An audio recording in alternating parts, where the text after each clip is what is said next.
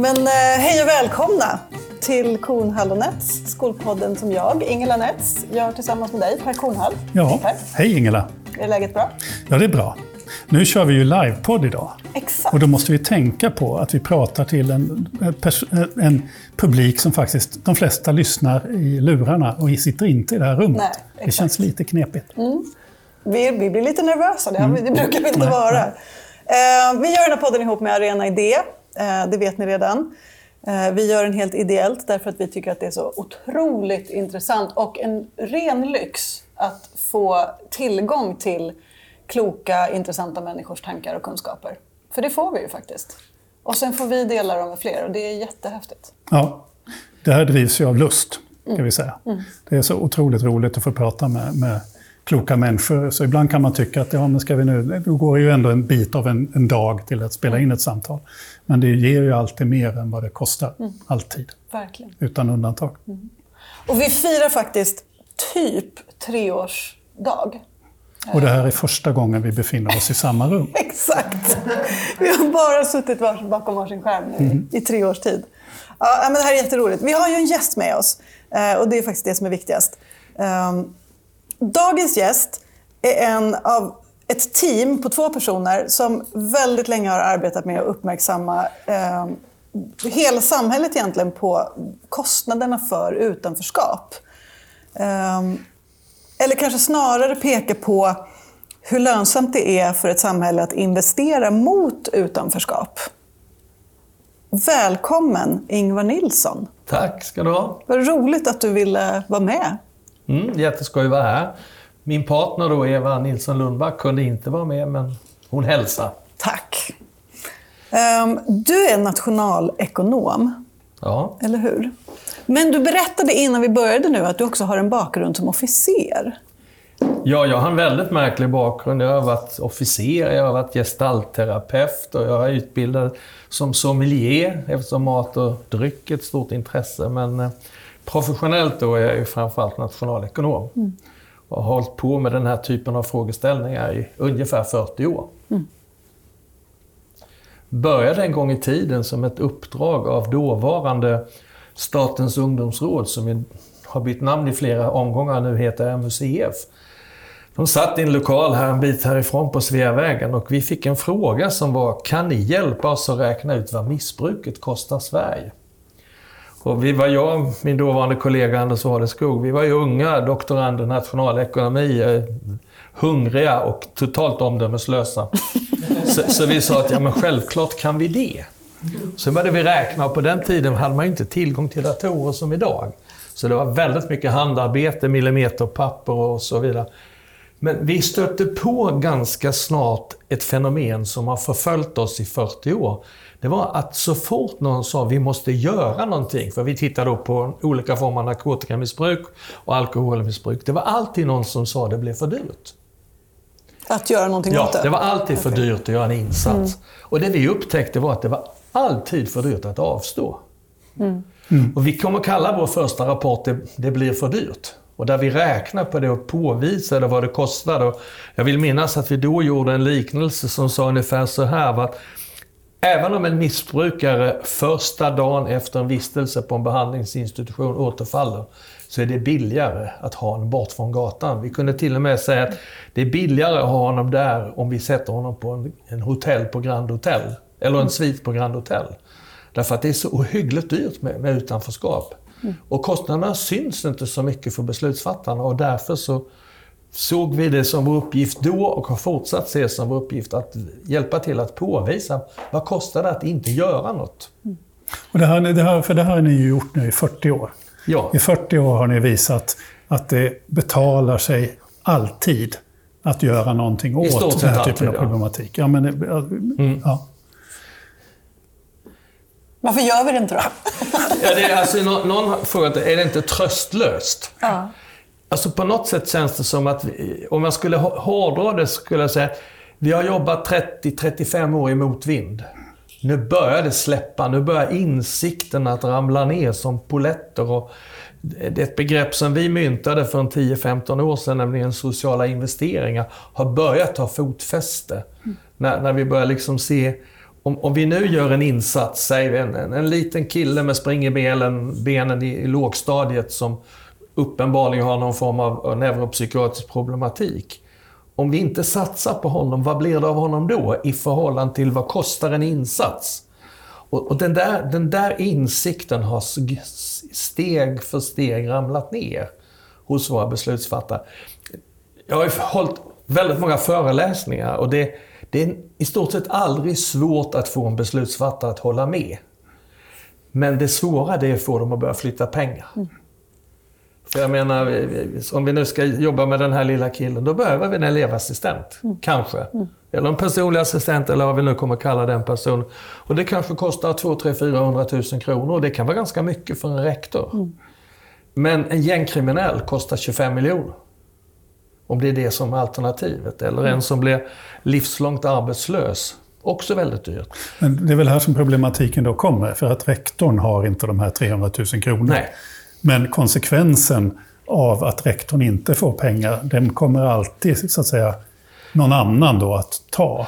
Men om vi ska hjälpa våra lyssnare, alltså vad är det för kostnader vi pratar om? Nu hade vi 200 000, 300 000 i skolan. Men för, för, ni har ju räknat på det här.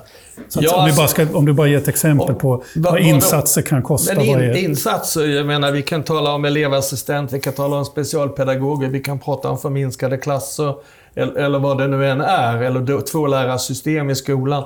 Det är alltid små, rätt små tal i det, i det stora hela i förhållande till alternativet. Och vad kostar då alternativet? Ja, man kan ju ta en sak som, som jag ibland brukar ha som en gissningstävling när jag har seminarier.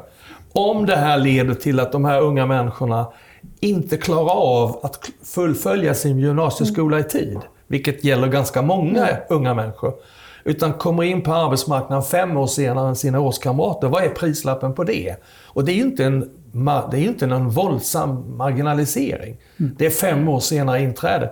Och prislappen på den är ungefär 2,5 miljoner. Och för de pengarna kan vi väl anställa assistenter till 20-tal eh, ADHD-barn som skulle behöva lite support i skolan. Mm. Och ofta finner man då när man, när man liksom gör ska säga, investeringskalkyler för det här, så finner man att vi behöver inte vara superframgångsrika. Lyckas vi en gång på 20 eller en gång på 10 så har vi plockat hem investeringen. Men, men som du säger, problemet är att kostnaden tas på ett ställe vid en tidpunkt. Vinsten dyker upp på andra ställen vid andra tidpunkter. Kostnaden är väldigt tydlig. Intäkten är mycket mer otydlig. Mm. Alltså det är väldigt svårt att mäta effekten av att ingenting har hänt. ja, men exakt. Som är en, en, en, rapport som vi skrev för Fryshuset för flera år sedan. Ja. Som handlade just om det. Liksom framgångsmåttet är att det faktiskt inte behövs något. Nej. Och det är en ganska knepet framgångsmått i en tid där allting ska mätas. Mm. Alltså det finns jättemycket man vill gräva vidare i. Men jag skulle vilja börja bara i änden. Alltså, begreppet utanförskap är ju ett ord som vi använder väldigt ofta. Jag har gjort det liksom i min profession som rektor just och sådär. Eh, men alltså, vad är det? Vem är det som definierar vad som är utanförskap? Och vad är i så fall innanförskapet? Alltså det, det, här kan man ju, antingen så kan man lägga en, en väldigt komplex filosofisk och ideologisk eh, diskussion kring frågeställningen. För det, det, är inte så... Därför att jag tänker på, på Namo, en kvinna som jag har jobbat med på arbetskooperativet Basta. Namo är idag företagsledare på det här företaget. Men när jag träffade henne var hon en nyligen avtänd heroinist. Och som har jobbat sig uppåt nu, och lämnat det livet. Och hon sa så här en gång i ett seminarium. Det du kallar utanförskap kallar jag för innanförskap. Mm. För i min bubbla är det innanförskap. Vi, vi kan ju se samhället som olika bubblor. Vi har ganska ofta gjort det lätt för oss i sådana här sammanhang kring definitionsfrågan. Vi har sagt att väldigt ofta definierar vi utanförskap som att man inte lyckas ta sig in på arbetsmarknaden och inte klarar av att försörja sig själv. Det är en ganska rough och den är lite klumpig, men den funkar.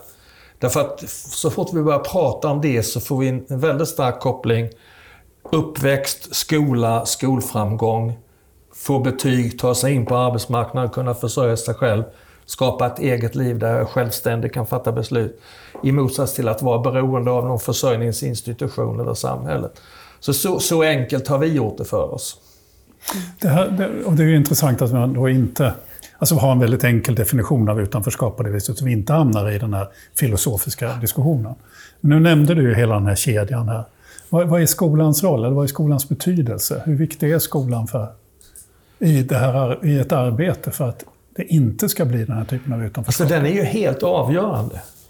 Därför att, att eh, inträdesbiljetten på arbetsmarknaden, som då kan, med vår definition säga vara ett inträde till ett innanförskap, att tillhöra, sker ju ofta genom att man blir anställd. Och anställningen den, den har ju en sorts sorteringsmaskin. Och där tittar man på skolbetyg, som är ju helt avgörande. Har du, har du inte gymnasiekompetens? Har du eller har du inte höga betyg?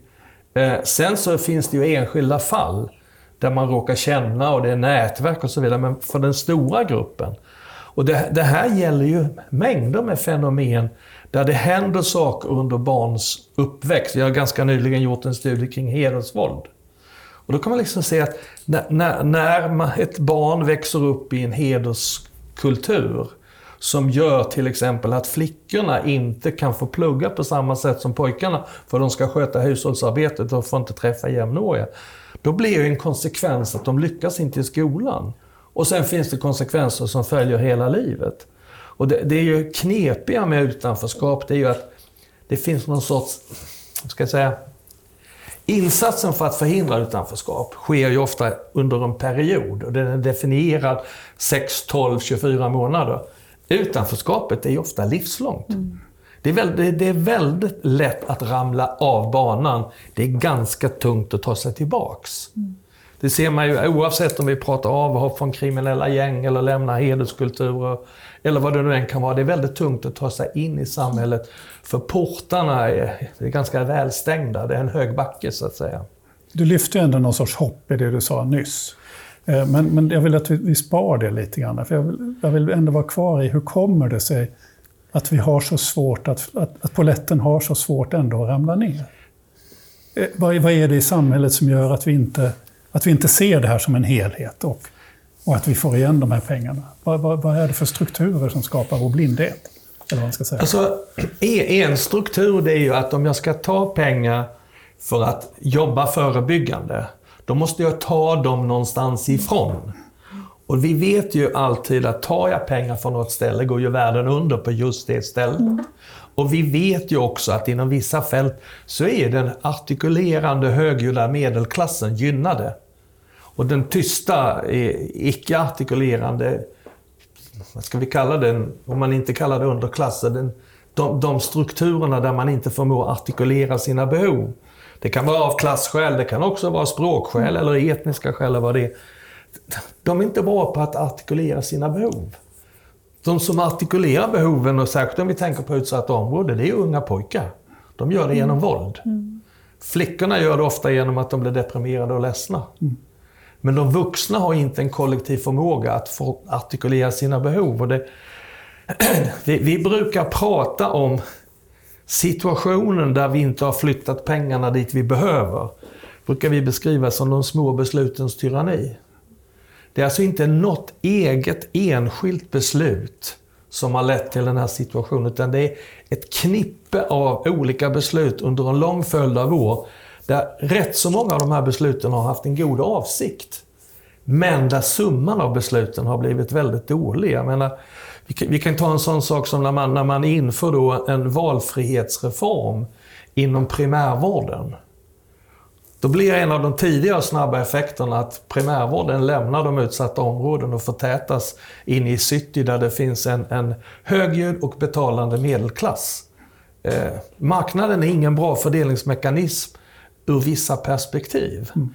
Och Det är samma sak, och det som då händer det är att du, du får en, en, ständig förflyttning av resurser från utsatta områden. När, när bankomaterna blir plundrade eller sönderslagna, då, då tar då tar liksom bankerna flyttar bort automaterna eller socialtjänstens medarbetare känner sig hotade av att jobba i, i Hovsjö, Södertälje. Då, då flyttar man socialkontoret ner till city och sen överger man medborgarna. Mm. Och sen får vi en situation i många utsatta områden som jag tycker präglas av en känsla av övergivenhet och att samhället inte är något för oss. Samhället är något för de andra. när vi jobbar i områden där, där det, det här sker och, och där en stor del av befolkningen kommer från andra länder. Vår första barriär att bryta igenom det är att förstå att vi som vita medelålders medelklassmänniskor inte är ett hot. Utan vi, för säga, det finns ett sånt utpräglat motsatsförhållande som på systemnivå har, har, har yttrat sig nu i ett, vad ska vi säga, ett väldigt misstroende mot samhället. Diskussioner som, som ni säkert har hört talas om det här med eh, socialtjänsten kidnappar våra barn, särskilt om det är barn med muslimsk bakgrund. Det är ju ett uttryck, eller att polisen rasifierar alla våra ungdomar, eller att skolan inte har respekt för vår kultur. Det är ju ett uttryck för ett misstroende mot vårt samhälle. Och det misstroendet det kommer ju till uttryck hos unga män, framförallt i form av våld. Eh, det är inte vårt samhälle. Men det här, jag tänker, tillbaka till det här med innanförskap och utanförskap. Alltså apropå det du säger då, med de här liksom, att man skapar sin egen innanförskapsbubbla. Ja. Liksom. Så, alltså, det känns ju som att det, att det blir ännu svårare därför att vi är inte ens överens om liksom, vad som ska definieras då som, som någon sorts liksom, samhälleligt innanförskap. Därför att kan det till och med vara så att, att en del människor som, som är i det vi säger utanförskap hellre vill vara där. Liksom, för att man litar inte på Det, det finns det ju den typen av situationer. När vi jobbar mer systematiskt, långsiktigt med kommuner och polis och så i olika områden. Så en av våra första steg i den processen, det är att vi tillsammans försöker bli överens om vilket mindset gäller. Hur ser kartan över verkligheten ut? Därför att om, man tittar på den här typen av områden så, så jag tänker jag tänk på när, när de här stora kravallerna som var i Husby, tror jag, 2015. Det är väldigt lätt att tolka det som en våldssituation och ett rättsligt problem. Men om man kryper under ytan och tittar så ser man att det var ju helt andra frågor. Det handlar ju om existentiell vilsenhet, känslan av utanförskap, att inte tillhöra. Om man tillsammans med beslutsfattare kan göra den här resan och skapa den här insikten om att det handlar inte om fler kameror, fler väktare, bättre belysning och hårdare tag. Det kanske vi behöver också, mer för att städa upp. Men problemet ligger på en helt annan nivå. Eh, det, det. När det gäller det så har jag, och det har jag säkert sagt på podden några gånger, när, när kravallerna i Husby pågick så höll jag en föreläsning i Stockholm där ett skolborgarråd bland annat satt med i publiken. Och jag visade en bild på poliserna i piké, alltså utrustning, kravallpolis och, och så. Och så sa jag att några av dem där borde ju åka upp till Stadshuset och sätta handklovar på de som är ansvariga för ett skolsystem som ser till att då 30 procent av, av ungarna misslyckas. Ja. Misslyckas, för så var det ju då. Ja. Eh, men, men där hände ju någonting sen, för där började man ju flytta pengar till de skolorna. Och nu har ju de skolorna ett helt annat resultat. Det är så den, den omvända situationen i siffrorna nu eh, jämfört med hur det var då. Det, det, det är väldigt bra, den rörelsen. Men samtidigt så, eh, så har vi väldigt mycket motkrafter därför att, att om man, om man jag, kan, jag kan ta eh, ett, ett annat område som exempel, nämligen Herrgården i Rosengård i Malmö som är det mest, eller var då den mest utsatta delen av, av Rosengård. Och när vi var där och jobbade tillsammans med det fastighetsbolag som, som ägde lägenheterna, då kunde vi konstatera att barnen i det området, de kunde inte se kopplingen mellan skola, skolresultat, jobb, försörjning, inkomster. Därför att det fanns inga vuxna förebilder. Det fanns inga rollmodeller. Och det har ju att göra med att i de här områdena har vi ju gjort en... Det har ju blivit en koncentration av socialt sköra familjer, socialt sköra vuxna och familjesystem som gör då att, att det sociala normsystemet är helt annorlunda i vissa områden. Det är normalt att misslyckas i plugget. Eh, det är normalt att, att eh, inte ha jobb. Det är en massa saker som, som vi andra inte tycker är normalt. Och det, det dyker ju också upp i de här områdena att det inte är coolt att plugga. En kille i Hovsjö, Södertälje, han sa till oss när vi hade ett möte en gång, han sa det värsta du kan göra mot mig och kränka mig med, det är att inte ställa krav på mig. Om du inte ställer krav på mig så betyder det att du inte tror att jag kan göra någonting. Och sen har jag hört någon annan beskriva det här som de låga förväntningarnas mm. rasism. Alltså det, det är ju, någonstans där har vi gått lite vilse. Men det är också sånt som de har pratat om där ute på Järvafältet. Med, vi pratade med Happy, Hilla, eh, Happy Hilmarsdotter. Hilmarsdotter, som ju menar att de i skolorna också vänder om ifrån en omsorgskultur till en undervisningscentrerad kultur Ja. istället.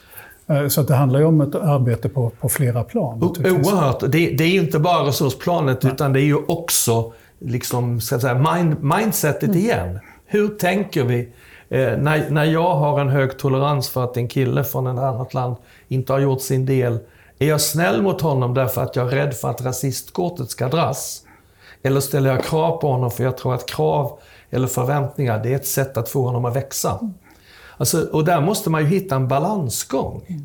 Det, det, det, vi- vi tycker ju att, att det har funnits en rädsla i, i vissa av de här sammanhangen just kring sådana här saker så, som rasism, hederskultur och så vidare. Där vi inte har tagit riktigt i frågorna därför att vi, vi är så angelägna. Vi brukar prata om det här som en sorts medberoendekultur. Man, man, man, man, man, man har samma mönster i, i del av de här frågorna så, som anhöriga till en missbrukare har. I, I någon sorts snällhet. Och också att vi är väldigt duktiga på att bygga in hjälplöshet hos människorna. I, i den här, som du pratar om, den här hjälpande och omhändertagande kulturen. Och den är, väl, den är ju trevlig på ett privat plan. Det är alltid trevligt med snälla, hjälpsamma människor. Men i ett sammanhang där barn ska växa och fostras och liksom hitta sin plats, så, så i vissa, vissa lägen kan det här bli kontraproduktivt. Tillbaka till, till blindheten i samhället ändå. Jag tänker att en hel del av de här kostnaderna, initiala kostnaderna ligger då på kommunen, på socialtjänst, skolan. Men, men sen kostnaderna för hela samhället, det, då pratar vi ju kriminalvård, vi pratar sjukvård, vi pratar försäkringsbolag och så. Är det, är det liksom det att vi, ser inte, att vi inte ser det här som ett system? Är det en, Vi, det, vi, vi har ju inget systemtänkande. Utan vi har ju ett, vi brukar prata om kortsiktighet och stuprör. Det är de två präglande mindseten i praktisk styrning av våra organisationer. Och det här har ju blivit väldigt mycket starkare nu när vi har New Public Management. Bara det som kan mägas, vägas och mätas innevarande budgetår finns. Inget annat finns ju. Vi har ju gjort ett antal försök att, att vidga och kalla, bygga det vi kallar socioekonomiska bokslut där vi tittar på helheten. Därför att nästan alla former av utanförskap spänner över många samhällssektorer. I, I den kalkylmodell som vi har som grund för, för det mesta vi gör, så har vi ungefär 200 parametrar som vi räknar på. Eh, och, och man måste beakta, vi, vi, vi gjorde en studie... Jag kan bara, bara säga till lyssnarna att jag rekommenderar att gå in och läsa några av era studier. Just för att se modellerna ni har byggt upp. För de är, de är ju liksom otroligt fascinerande och lärorika i sig. Ja, de är på ett sätt är de ju komplexa, men å andra sidan är de ohyggligt enkla. Jag brukar säga det att vem som helst kan lära sig det. Vi, vi har haft en process för många år sedan där vi faktiskt utbildade ungefär 100 kommuner att göra det själva. Och det visade sig att det gick rätt så bra att göra barfota ekonomer av dem. Eh, Gör de det då, de här kommunerna? Alltså, då räknar de då på det? gjorde de det. det. Det här, jag vet inte, ska jag, ska jag säga någonting om den processen? Vi blev för många år sedan eh, kontaktade av stiftelsen Idéer för livet som är kopplad till Skandias försäkringsbolag. Och de bad oss göra en analys av det här. Och när vi hade gjort det och publicerade så, så, så smällde de på ganska mycket med marknadsföring. Så vi blev fullständigt översköljda av förfrågningar. Och då sa vi, nej men vi, vi, vi klarar inte av det här. Vi måste utbilda folk att göra det här själva. Så vi tog fram en sexdagarsutbildning, tre gånger två dagar, där vi bjöd in kommuner och så sa ni kommer till oss, ni ska ha ett projekt med er, ni ska vara en liten grupp och ni ska analysera ert eget projekt och skriva en rapport. Och så ska vi göra det på sex dagar. Och det gjorde vi med 100 kommuner under ett och ett halvt, två års tid. Och det var fantastiskt, för de köpte det här och de klarade av det. Eh, och det gjorde en massa avtryck ute i kommunen. För att det, och då, då använde vi just oss av begreppet sociala investeringar. Och det är ett jättebra begrepp, för det är kletigt. Alltså det fastnar. Förklara.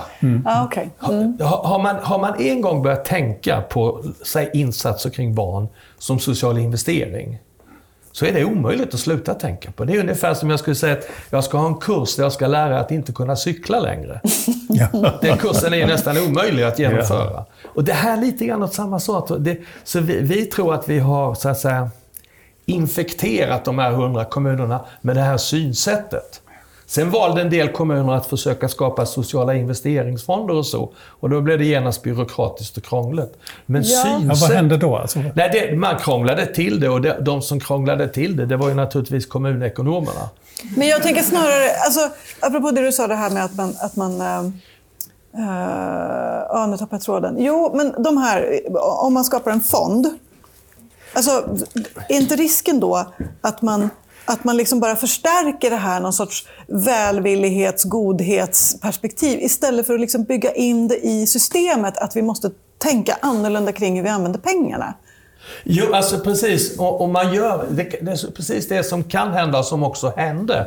För det här måste ju in i linjeorganisationen som en tankefigur. Och är det en fond, ja men då är det något man söker vid sidan Ja, av. precis. Liksom. I övrigt kan vi göra som vanligt och här har vi lite Exakt. specialgrejer på kanten. Vad duktiga ni är. Ja, så att, att eh, det är ju ett di- dilemma. Alltså det är ju, någonstans här måste, alltså vi, vi pratar väldigt mycket nu om, vi måste jobba systempåverkande. Systemförändrande. Vi pratar egentligen om, när, när vi pratar om problematiken i utanförskap så pratar vi om symptom, orsaker, orsakernas orsaker och sen mindsetet bot, i botten. För när, går vi tillbaka och tittar på vårt mindset, synen på människor och liksom mängder med saker så märker vi att det kommer från vårt mindset. Och vi måste, vi måste ner där och rota och då är vi inne vid jobbiga saker som värderingar. Anser vi människor kapabla? Anser vi att människor kan välja eller drabbas de som offer? Det finns ju en väldig diskussion nu kring de här gängkriminella. Liksom, I ena ytterligheten så säger vi att de är, de är offer för systemet och i andra ytterligheten säger nej, de har gjort ett aktivt val, de får ta konsekvenserna. Och i själva verket är det nog så att det är en kombination. Eh, jag har jobbat med många avhoppare från kriminella gäng. Alla säger, jag gjorde val som ledde mig dit jag hamnade. Jag hade visserligen dåliga alternativ att välja mellan, men jag gjorde valen. Och jag tror man, man måste på något sätt, tillskriver vi inte människor, ens människor i utsatta situationer, förmågan att göra val, då har vi därmed berövat dem någon, någon viktig del av deras så att säga, mänskliga grundegenskaper. Jag tror, jag tror på den väljande människan, men jag vet samtidigt att människor har väldigt olika förutsättningar att välja. Och du blir ju också begränsad i dina val. Jag menar, om du har, lever i en miljö som avviker kraftfullt så har du ju andra val. Ja, ja. Som är från så att säga, den normalfördelningen. Ja, du kan ha en, en egen liten normalfördelning som är väldigt vid sidan av. Där, där det bästa sättet att, att liksom komma sig upp i världen det är att, att gå den kriminella Ja, banan. ja, precis. Och det är någonstans här det blir väldigt jobbigt för att, att så fort man, man börjar närma sig det här så finns det ju inga enkla sanningar. Det finns inget svart och vitt och det finns inga quick fix. Och då blir det ju plötsligt väldigt besvärligt för våra politiker. Ja, då blir det för dyrt. Ja, till exempel. Men de, de vill ju också ha liksom enkla svar som går ut. Och jag menar, jag menar herregud, vad har vi... Liksom, gå ut och visa en falukorv i TV inför en, en riksdagsval. Alltså, hur, hur intellektuellt är det? Men, en- men för det här, jag vet när jag jobbade, jag började ju jobba som rektor i Södertälje. Ja. jag vet att du har jobbat länge med kommunen där och, och med viss framgång liksom, under en period. Men, och jag, jag attraherades så av ditt resonemang, men provocerades så också av att jag satt som rektor på en skola. Eh, Jag såg de här behoven. Jag, jag, jag och lärarna som jag jobbade tillsammans med, vi kunde ju exakt identifiera de här barnen som du beskriver. vet som väldigt tidigt vilka de är. Absolut. Och vi kunde också säga att det här skulle vi behöva. Och så fanns det inte pengar. Nej. Och så har jag en ettårsbudget. Om jag eventuellt har gått med lite plus så får jag inte spara pengarna till nästa år. För det mesta har jag gått minus. Kommun, alltså politikerna har en fyra års liksom, mandatperiod som de agerar utifrån. För att liksom vinna, vinna sina väljare att få, eventuellt få förlängt. Men att fatta ett politiskt beslut om att nu ska vi göra investeringar här som kostar där. Vi kommer att se att det lönar sig om 15 år. Alltså var finns de politikerna som vågar göra så? Det börjar dyka upp. Om, om, om jag får säga så tycker jag att den nuvarande politiska ledningen i Södertälje Mm. har ett tioårsperspektiv på de här frågorna.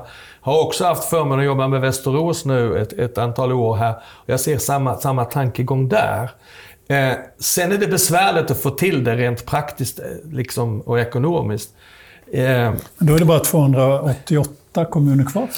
Ja, men det är så att, att om, om några går före så kommer andra efter. Och att, alltså, Så var det ju också en gång när vi byggde vårt folkhem. Några gick före och andra kommer efter, så att säga. Eh, och, jag, och jag tror att i, i takt med att, att vi liksom ser möjligheterna så tror jag vi kommer göra annorlunda. Eh, vi, vi, vi slogs ju av det här med, kan vi få fram pengar eller inte? Eh, eh, för några år sedan när vi hade rätt ordentliga överskott i statsbudgeten, som vi då valde att, en del hade vi till reformutrymmet, men väldigt mycket valde vi att lägga i att betala av statsskulden. Det skulle vi kunna gjort annorlunda. Och då blev vi så provocerade att vi gjorde en rapport om Rinkeby som vi kallar Rinkeby-miljarden. Där vi sa, om vi kan, jag tror att överskottet då i statsbudgeten var säg 50 miljarder. Så att om vi kan ta en enda miljard och sen placerar vi den bara i Rinkeby, ingen annanstans. Och så gör vi ett investeringsprogram för att bryta utanförskapet. Är det lönsamt? Och svaret var ja, det är ju ohyggligt lönsamt. Eh, men det, att ta ett sånt beslut, jag menar, det är bara att fundera på vilken riksdagspolitiker eller regeringspolitiker skulle våga säga vi satsar på ett ställe och skiter i resten bara för att kolla om det funkar. Nej, Fast det är ju så man borde göra. Det är så näringslivet testar nya modeller. Ja. Det är ju så ungefär som när man gör ett nytt dataprogram. Man har en alfa och en beta-version som man testar. Men, men, kan vi egentligen göra någonting annat? För jag tänker ju att alltså gängkriminaliteten, vi pratade om lite innan programmet, det är ju som bara toppen av ett isberg. Det är ju det lilla som syns Absolut. av ett jättestort utanförskap. Som är socialt, som, är, som inte handlar om våld och kriminalitet allt det. Men det är liksom bara toppen. Men, det, men när vi har den utveckling vi ser, kan vi göra något annat än sådana experiment? Kan vi... Nej, jag, jag tycker inte det. Men nu är det inte jag som bestämmer, jag bara, jag bara, jag bara tycker. Och jag är ju forskare och konsult. Jag brukar säga så här, konsulter är som kastrerade katter. Ja. Vi vet allt om hur man ska göra, men vi kan det inte själv. Så att, alltså det, jag förstår ju det politiska dilemmat. Ja. Och jag är, jag är så ohyggligt tacksam för att jag inte behöver vara politiker. Men jag kan ju knuffa politikerna åt det hållet jag tycker är rimligt. Och, och jag, jag, min erfarenhet efter att ha jobbat med politiker i 40 år, det är att de allra flesta vill ju göra något bra. Det är inte dumma, elaka, korkade människor. Det är bra människor som vill väl. Och vi har ju märkt det att ger man politiker och andra beslutsfattare rätt beslutsunderlag så fattar de mer sannolikt ett bättre beslut. Och när vi då har räknat på det här och kan visa att det är lönsamt, då hjälper det beslutsfattare. För på något väldigt märkligt sätt så är det att kan man visa någonting i en tabell eller diagram så är det sant. Det, det är så, det, Ja. Vi får ju väldigt ofta kommentarer från poliser, eller socialarbetare eller skolfolk att Ja, men det ni säger och räknar på, det har vi ju vetat. Ja, visst, det är klart jag vet. Det är ingen rocket science. Men en, en, en, en uträkning blir sann. Men det är ju därför också Rinkeby-miljarden, den typen av projekt är så viktiga. För om vi aldrig gör det i alla 290 kommuner samtidigt så kommer ju någon att säga att det inte hade någon effekt, för det är ingen skillnad. Alltså, förstår vad jag menar? Som du sa, att det här är ju saker som inte syns. Men om man inte gör det på något ställe, men gör det på ett annat ställe, så blir det ju synligt vad som händer. Ja, och, då, då, vi behöver ju, vad ska vi kalla det, spjutspetsprojekt. Systempåverkande projekt. Och det, det vi märker till exempel om vi, om vi för vi, vi har en, en väldigt stark tro på att civilsamhället är en avgörande aktör om vi långsiktigt ska lyckas. Eh, och civilsamhällets aktörer idag, de är väldigt försiktiga. De är systemkonforma. Och det är inte konstigt, för de får pengar från systemet. Men civilsamhällets aktörer bör vara systemförändrande.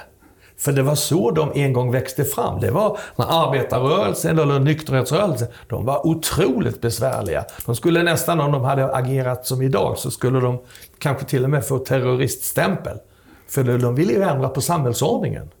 Och det är ju det vi behöver göra kring det här. Och då får man, tycker jag, uppmuntra civilsamhället att i lagom takt göra det. Vara lagom besvärliga. Och säga att vi kan inte gå in och lappa och laga i ett system som har skapat det här. För då förstärker vi bara systemets förmåga att, att, att reproducera sig. Utan vi måste kritisera. Vi, vi var med och genomförde reformen personligt ombud för personer med psykiska funktionshinder. Och den reformen handlade om att de här personliga ombuden skulle finnas som en företrädare för människor med psykisk problematik. Att få rätt insatser. De som har ramlat mellan stolarna och sådär. Eh, och en av de här ombuden som vi hade i en utbildning, hon sa så här. Du, ju, ju bättre jag gör mitt jobb, ju sämre blir det.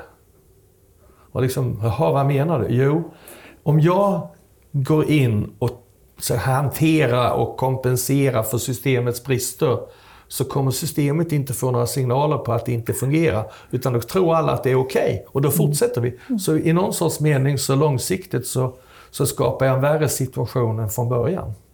Och det där tänker man kanske inte på om man inte har ett systemperspektiv på den här frågan. Kan vi använda Fridays for Future som en, eh, en förebild för, för systemförändrande folkrörelser? Kanske ja. Jag, jag tror att, att, att folkrörelsen eller civilsamhället, jag är, jag är liksom mer bekväm med folkrörelse som begrepp, men civilsamhället är också en sån där byråkratisk mm. term på något vis. Eh, bör vara lagom besvärliga, eller mm. ordentligt mm. besvärliga. Och problemet blir då att de behöver finansiering. Mm. Men, men, men, deras roll är inte att smörja systemet, utan påverka systemet. Eh, och det, det blir en liten en paradox, en besvärlig sits. För samtidigt så möter ju de här rörelserna folk ute i verkligheten som man vill hjälpa. Och för att kunna hjälpa måste man ha lite resurser.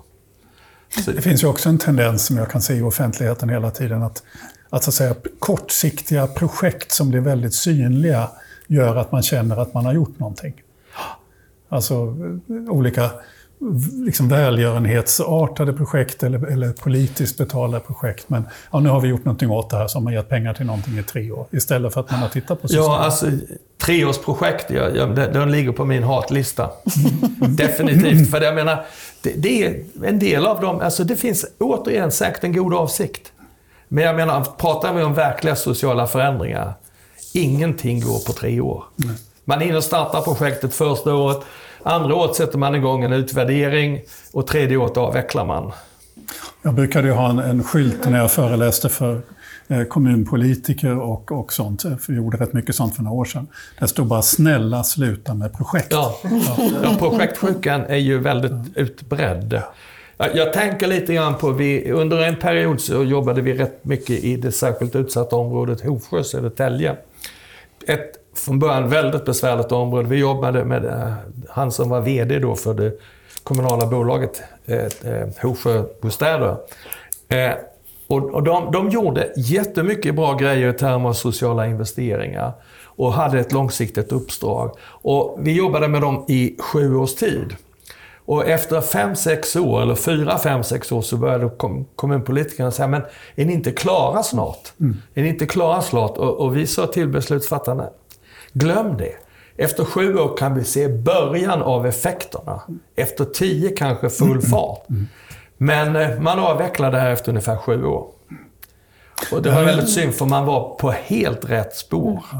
Det här är en sån sak som gör mig orolig då, när man ser ändå då förbättringen som har skett i skolorna på Järvafälten.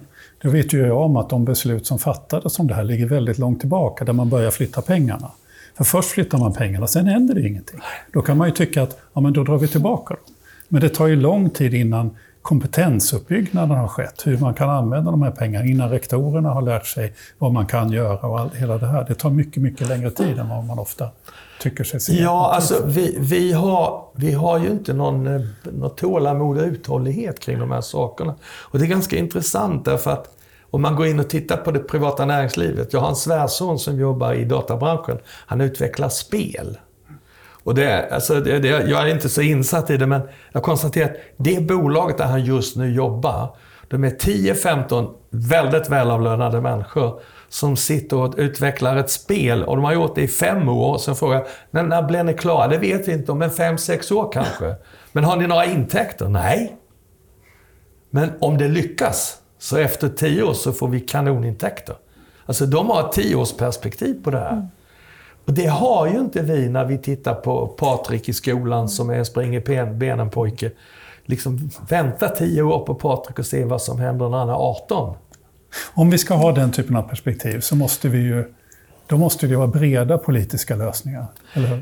Ja, alltså kring vissa av de här frågorna så tror jag att man skulle kunna uppnå betydligt större politisk enighet än vad man har idag. Särskilt på den kommunala nivån där, där inte de ideologiska motsättningarna alltid är lika dramatiska som på, på den nationella nivån. Och det är ganska spännande. Västerås då, som jag nämnde, som vi har jobbat med ett år, har varit väldigt inspirerande. Där finns det en ganska bred politisk enighet mellan majoritet och opposition om hur man tacklar de här frågorna. Och Det gör ju då att man, man slipper det här som nästan alltid dyker upp kring det här. Så fort någon säger A så säger den andra parten nej, B. Istället för att se vad kan vi bli överens om och vad är vi inte överens om.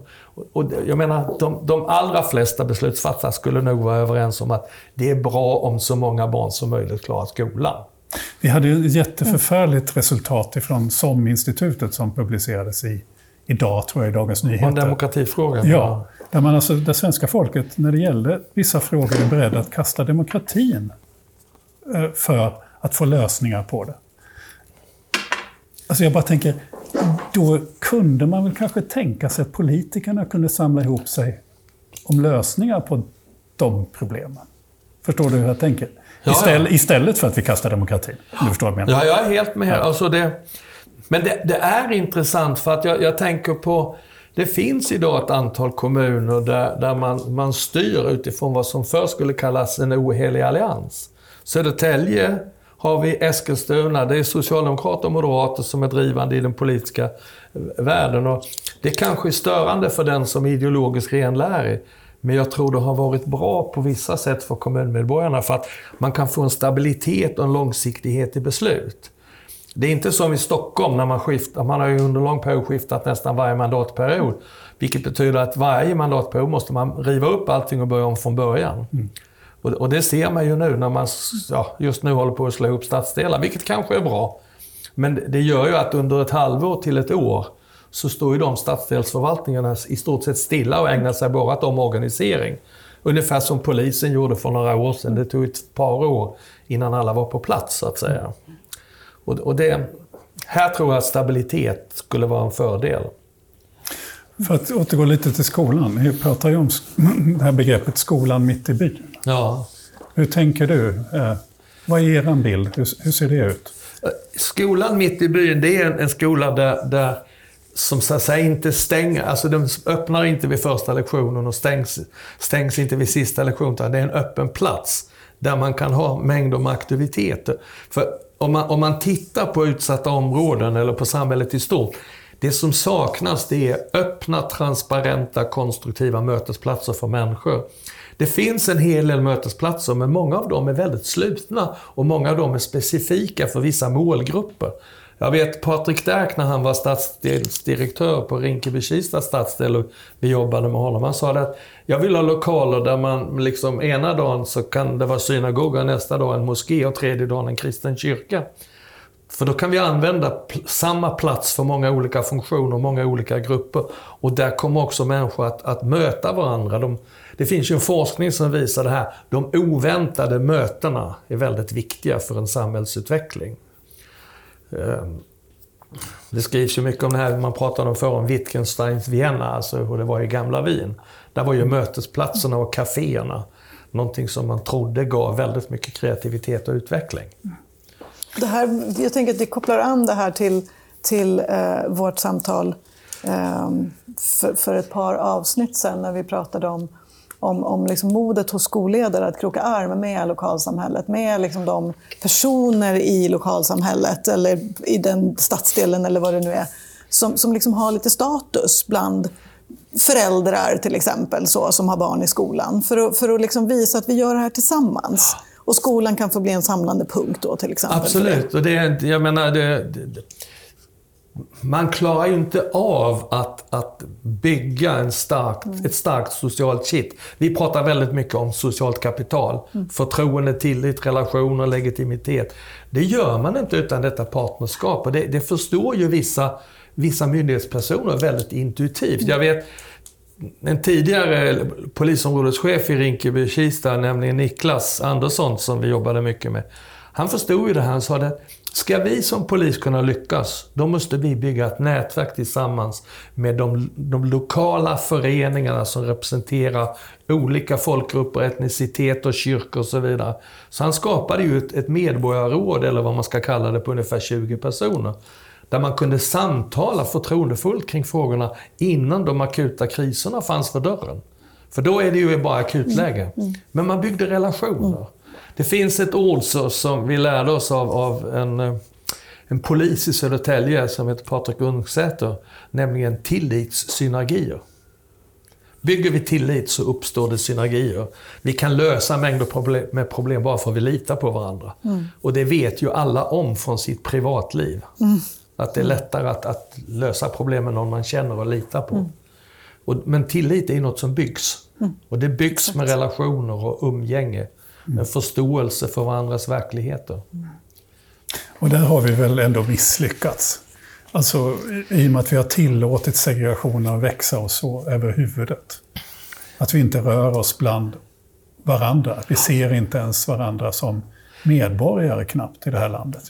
Vi har ju delat upp oss så Ja, och, det, det då, och då uppstår ju det här som är så väldigt vanligt, nämligen att, att det vi inte känner till bygger vi upp en massa föreställningar kring. Och de, det gör ju de flesta av oss. Eh, vi har de invandrare, vi har de missbrukare, vi har de alla möjliga målgrupper. Jag, jag tänker på för, för många år sedan när mina föräldrar levde, så, så jag, jag var ganska ofta oense med dem om vissa värderingsfrågor. Och, och missbrukare var något bland det värsta de visste. Och då jobbade jag under den tiden med Basta, som är ett företag som bara drivs av missbrukare, gatumissbrukare. Så när jag hade tröttnat så sa jag till mina föräldrar, nu, nu får ni hänga med mig när jag åker dit och jobbar. Och då hade jag vidtalat dem på Basta. Och sen så när de kom dit så var det en ung tjej som tog hand om dem under förmiddagen när jag hade min kurs. Och sen träffade jag dem på lunchen och så frågade dem, hur var det? Oh, hon var så, vilken underbar tjej. Hon var så trevlig, hon var så snäll. Ja, så, hon är gatuprostituerad sedan tidigare. Och de sa, nej, det tror jag inte. Jo. Inte för att hon ville det. Men hon hamnade där på grund av sitt missbruk. Och jag tror det finns inget annat sätt att göra än att vi måste hjälpas åt att, så att säga, mötas varandra. Och då blir ju de här mötesplatserna det avgörande. För det är ju ganska roligt, för du beskrev innan vi, pratades vidare hur, hur barn och ungdomar i förorten kan vara rädda för att åka in till stan. Och vi vet ju många inifrån stan som är rädda för att åka till förorten, ja. eller hur? Eh, det, det, är en, det är en ganska spännande Vi har ju situation. ganska många här i Stockholm som inte vågar åka blå linje efter 17 på kvällen. Ja. För man är ju rädd, rädd att man ska bli ihjälslagen. Jag har en son som är idag nästan 50 år, eller han är 50 år. Han bor i Rinkeby. Mitt i, han, är, han brukar skoja och säga jag är den enda vite mannen. Och så frågar jag honom, nu har du bott ute i Rinkeby i 30 år. Hur mycket har du sett av det här våldet? Han är blond, lång, han är, han är urtypen för den man skulle kunna föreställa sig utsätts för våld från invandrarkillar. Han sa aldrig någonting. Jag sa du inte? Nej. En gång lånade jag ut min lägenhet till polisen för span, men det är det närmsta jag har varit. Alltså det, det, det, det är så mycket föreställningar och fördomar som bygger på att vi aldrig träffar människor av en annan sort än mig själv. Och det har ju att göra med att det är så, och, och liksom, vi då, medelklass vita, är rädda för förortens människor. Och förortens människor är jätterädda för oss. Jätteobekväma när de ska träffa myndighetspersoner och makthavare. Vi jobbar rätt intensivt nu med någonting ute i Järva som heter Järva i samverkan. Med föreningslivet, ungefär 20 föreningar där. Och då, vi ska pola ihop dem och har polat ihop dem vid några tillfällen med beslutsfattare i stadsdelen. Och det är så, så, så både samtidigt spännande och samtidigt lite, lite vad ska jag säga, störande att de, de, de har sån ohygglig, vad ska man kalla det, obekvämhet eller rädsla för dessa beslutsfattare som de, de hissar till höjder som, som de inte riktigt förtjänar. Mm. Och det har att göra med att de har ingen vana. Och, det, och, och, när vi då har kört i olika processer där vi polar ihop folk vid konferensborden över gränserna så plötsligt upptäcker ju bägge parter att vi är ju ungefär rätt lika. Vi kan ha lite olika hudfärg, lite olika språk, lite olika sådär. Men i grunden är vi hyggligt lika. Det är ju det mest gemensamma. Jag bodde en gång i, ett, i, ett, i Gottsunda, som är Uppsala, säga, en av förorterna i Uppsala. Och så skulle vi flytta därifrån och då blev vi inbjudna till en familj två trappor upp. En kurdisk familj. Fick en, hon hade tagit ledigt hela dagen och lagade den mest fantastiska mat till oss. Och de proppade i oss mat, man fick inte tacka nej. Och vi åt, vi åt, vi åt, åt, åt. Och sen till slut så berättade de varför de hade bjudit hem oss. Och det var ju för att de var så hemskt ledsna. För vi var den, en, den sista så att säga, svenska vanliga familjen. Det fanns ju svenskar, men det var ju svenskar med stor problematik ja. som bodde i huset. Det var bara vi som hade varit liksom en normal svensk familj. Nu flyttade den sista. Och det här, det här är ju ohyggligt typiskt. Därför att det som utmärker nästan alla områden som vi kallar utsatta, det är ju att det finns en stark koncentration av, av sköra människor. Det, det kan vara missbrukare, det kan vara psykiskt sjuka, det kan vara invandrare, det kan vara nyanlända, name it. Men, men du får, när du får den här koncentrationen av sköra människor i ett område, då får du också med en viss automatik den här förvridna normaliteten. Och där, där, så säga, det, där måste man fundera på hur man ska göra. Då är vi inne på en otroligt knepig bostadspolitisk frågeställning. Hur styr vi det här? Det finns fastighetsbolag, Victoria Hem är ett sådant bolag, som, som är väldigt så att säga, må- målmedvetna när de renoverar lägenheter om att förändra sammansättningen av befolkningen i sitt bestånd. Att man liksom man slänger inte ut folk för man renoverar bara när, när folk har flyttat. Men för att flytta in så måste du uppfylla vissa sociala och ekonomiska krav. Och det, och det där har lett till positiva effekter i de områdena, men det leder ju till en annan jättebesvärlig följdfråga. Var ska då de fattiga utsatta bo? Och det är ju inte ett problem som egentligen ska lösas av ett enskilt fastighetsbolag eller en kommun. Det är ett, ett nationellt bostadspolitiskt uppdrag, utmaning som vi kanske har duckat för, tycker jag, i ett par decennier. Man kan, det finns internationella exempel. för Vi har verkligen duckat för det, det ska man vara medveten om. Vi har ju medvetet duckat för den frågeställningen. Det finns ju andra länder där man går helt andra vägar. Eh, Singapore är väl inget exempel på en demokrati precis. Men där är det faktiskt så att om du bygger ett hus eh, så, så ska det bo x antal procent kinespratande, x antal av de olika. Det vill säga att man har lag, bunden eh, integration i bostadskvarteren. Sen har man en närhetsprincip i skolan. För det var just det som föranledde till att jag fick reda på det här en gång i tiden. var just att det var någon som frågade, ni har ju närhetsprincip till skolorna. Får ni inte segregation då? Och de tittar på, nej, det får vi inte. Eftersom boendestrukturen Ja. är integrerad eh, i- lagmässigt. Och de har ju gjort det för att de vill bygga ett gemensamt samhälle. Alltså de har ju en idé om varför de har eh, gjort det. Det är inte för att vara elaka mot människor eller styra över dem, utan det är för att ha en idé om att vi, vi måste hålla ihop, vi måste blanda varandra, annars kommer inte det här samhället att hålla ihop. Och, och kring den här frågan då så kan jag inte riktigt komma på någon nationell politiker som har velat ventilera och bolla frågan. För i ett första skede måste vi åtminstone börja bolla den, på, även om vi inte har någon bestämd uppfattning. Men att, att vi måste ta i den tror jag vi kan vara väldigt överens om. Vi hade ju faktiskt ett inspel av det för förra samtalet vi hade med, med, med eh.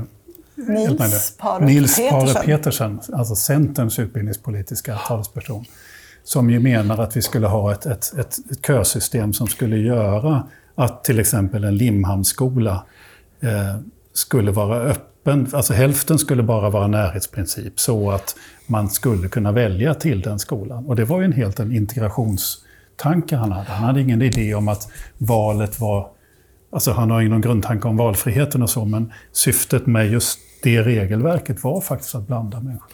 Ja, alltså de här valfrihetsprinciperna, de har ju, de har ju lett till de här konsekvenserna. Det är väl, som, som enskild människa tycker man väl det är väl bra om jag får göra de val, fast ibland känns det som att nej, nu vill jag inte välja fler saker. Det kan vara väldigt mycket. Men, men just kring skolan tror jag man skulle ha svårt att avstå. Men man måste hitta en utformning som är annorlunda än dagens, tror jag.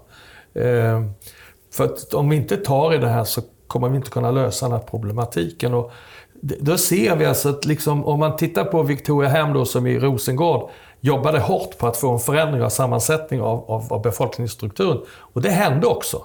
Där har du ett problem, var ska de fattiga bo? Sen har du ju det andra, för jag, jag pratade rätt mycket med den politiska ledningen i staden då och då. Så att, ja, och då sa Andreas då, som, som hade hand om de här frågorna, han sa att Ja, det är inte bara det, jag vill ju också få in så att säga, de utsatta människorna i de fina områdena. Och då vet vi att varje gång vi försöker göra detta så blir det protester. Ja. Ingen vill ha ett missbruksboende, ingen vill vara utvecklingsstörda, ingen vill ha utsatta grupper i sitt närområde för det påverkar priserna på bostadsrätter och villor. Och det, är liksom, det det här not in my backyard-effekten, den är ju väldigt tydlig. Ja. Det finns ju en, en amerikansk skolhistoriker som ju menar att, eh, och som tycker sig kunna visa, att, att eh, starten för eh, skolpengssystem i USA, alltså för valfrihet, vouchersystem, där man ska kunna sätta sitt barn i vilken skola man ville. Den har en direkt koppling till eh, att man bröt upp med rassegregation. Det vill säga att de vita välbärgade familjerna ville fortsätta kunna isolera sina barn.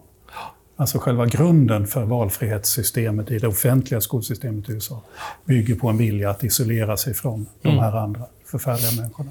Jag- Det här är en kraft som vi måste prata om faktiskt. Jag vill, jag vill återvända till eh, eh, våra politiker i Sverige. Om du, vi behöver börja runda av nämligen. Eh, det finns ju hur mycket som helst att prata om. Men om du får, vi ska nämligen träffa eh, Lotta Edholm, skolminister, eh, om eh, ett tag här i podden. Eh, om du får skicka med henne tre, de tre viktigaste besluten hon skulle behöva fatta eller hon tillsammans med regeringen skulle behöva fatta för att vi ska liksom komma någon vart. Vilka Jag är sitter, de? jag sitter redo här och skriver. Det var en tuff fråga, den var jag inte förberedd på. Så jag kommer nog inte att gå land. Men, men jag, jag tror den första, kanske viktigaste, det är hur ska vi hantera valfrihetsfrågan i skolan på ett sätt så att vi inte får ett segregerande samhälle? Och jag tror den, den är helt överskuggande. Och det, till den är naturligtvis kopplad liksom etableringsrätten för friskolor och allt det här. Alltså det, nå, någonstans att ta ett helhetsgrepp. Hur får, kommer vi tillbaka till en skola för alla? Det är ju liksom det. Det är inte en skola för alla och det är inte en jämlik skola. Och, och liksom det är första steget. Erkänna att vi har det här problemet och börja tackla i det förutsättningslöst. Eh, det andra det är väl egentligen i så fall fundera på hur vi skulle kunna ha ett socialt investeringsperspektiv på skolfrågan när det gäller att, att lyckas få barn att ta sig igenom skolan med godkända resultat. Det är ju, alltså, vi pratar om 25 procent eller mer som inte fullföljer gymnasieskolan i tid. Det är ohyggligt kostsamt ju. Att liksom bara göra en, en investeringskalkyl på det och se hur mycket pengar vi tappar. Mm. Det, det blev två. Vi kanske ska ställa den kalkylen mot vad det kostar att, att köpa ut de här aktiebolagen då? Ja, det, det, alltså det, det är ju så att när, när vi har tittat på det här på, på nationell nivå, hur skolmisslyckandena ser ut långsiktigt, så brukar vi säga att prislappen per årskull, per årskull ligger i storleksordningen på 150 miljarder. Nästa år kommer det en ny årskull. Det. För de som vi tappar i systemet. Och, och vi kanske inte kan rädda alla, men tänk om vi kan halvera det. Alltså det, det är inte rimligt att, att vi har en sån misslyckande frekvens i skolan som vi har. Vi skulle inte, vi skulle inte godkänna att köpa datorer där vi fick kassera var fjärde vid leverans för att den inte funkar. Men i skolsystemet köper vi det här. Och det, det går inte kring det här heller att utpeka något enskilt parti. Utan det tycker jag att vårt politiska system har ju accepterat den här situationen. Tycker jag allt för länge. Har du någon Det punkt tre bra. också? Nej, jag kommer inte på tre. Det är bättre att ha två som... Ja, det är bra. Så det är att, bra. eh, Det var egentligen ganska bra slut. Väldigt bra. Väldigt bra slut Ja. tycker jag. Faktiskt. Så att Tusen tack, Ingvar Nilsson, Tack för för att att jag du tog hit. dig tid att eh, dela din erfarenhet och kunskap. Vi hoppas att du får fler som lyssnar på dig framöver också. tack. Ja, och du har just lyssnat på ett avsnitt av Kornhall och Nets, som är en skolpodd som jag, Per Kornhall, Ingela Nets gör i samarbete med tankesmedjan Arena Idé. Och I varje avsnitt intervjuar vi en eller flera personer vars kunskaper, position eller arbete gör dem intressanta för den svenska skolan. Om du har en önskegäst eller om det finns frågor du vill att vi ska ta upp, så hör av dig till oss. Du hittar kontaktuppgifter där du hittar podden. Men med det säger vi tack för idag. Vi hörs snart igen. Det gör vi. Hej då!